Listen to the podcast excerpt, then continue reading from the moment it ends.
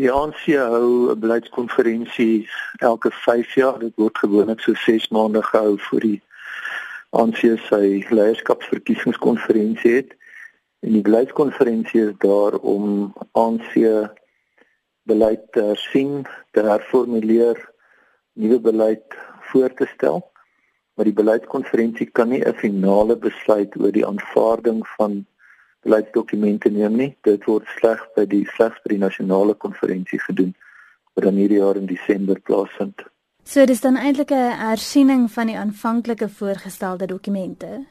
Ja, daar word in die maande voor die beleidskonferensie word die ANC se strukture die geleentheid gegee om hulle posisies duidelik te maak en om konsepdokumente te evalueer, verstellings voor te stel en dis meer so dit is 'n betrekkelike insluitende en omvattende proses.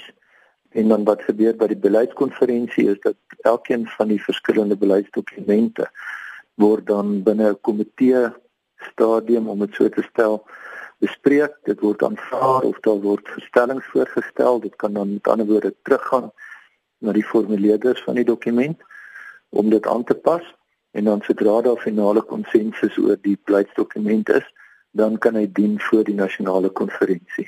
Dit is maar eintlik om enige beleidsvoorstelle of enige beleidsveranderinge wat die ANC in gedagte het, uh vooraf te bespreek, suggesties te ontwikkel, voorstelle te ontwikkel. Die beleidskonferensie kan niks en geen besluite neem nie, maar hulle kan opsies skep en alternatiewe voorstel wat dan by die verkiesingskonferensie aanvaar word aan die einde van die jaar.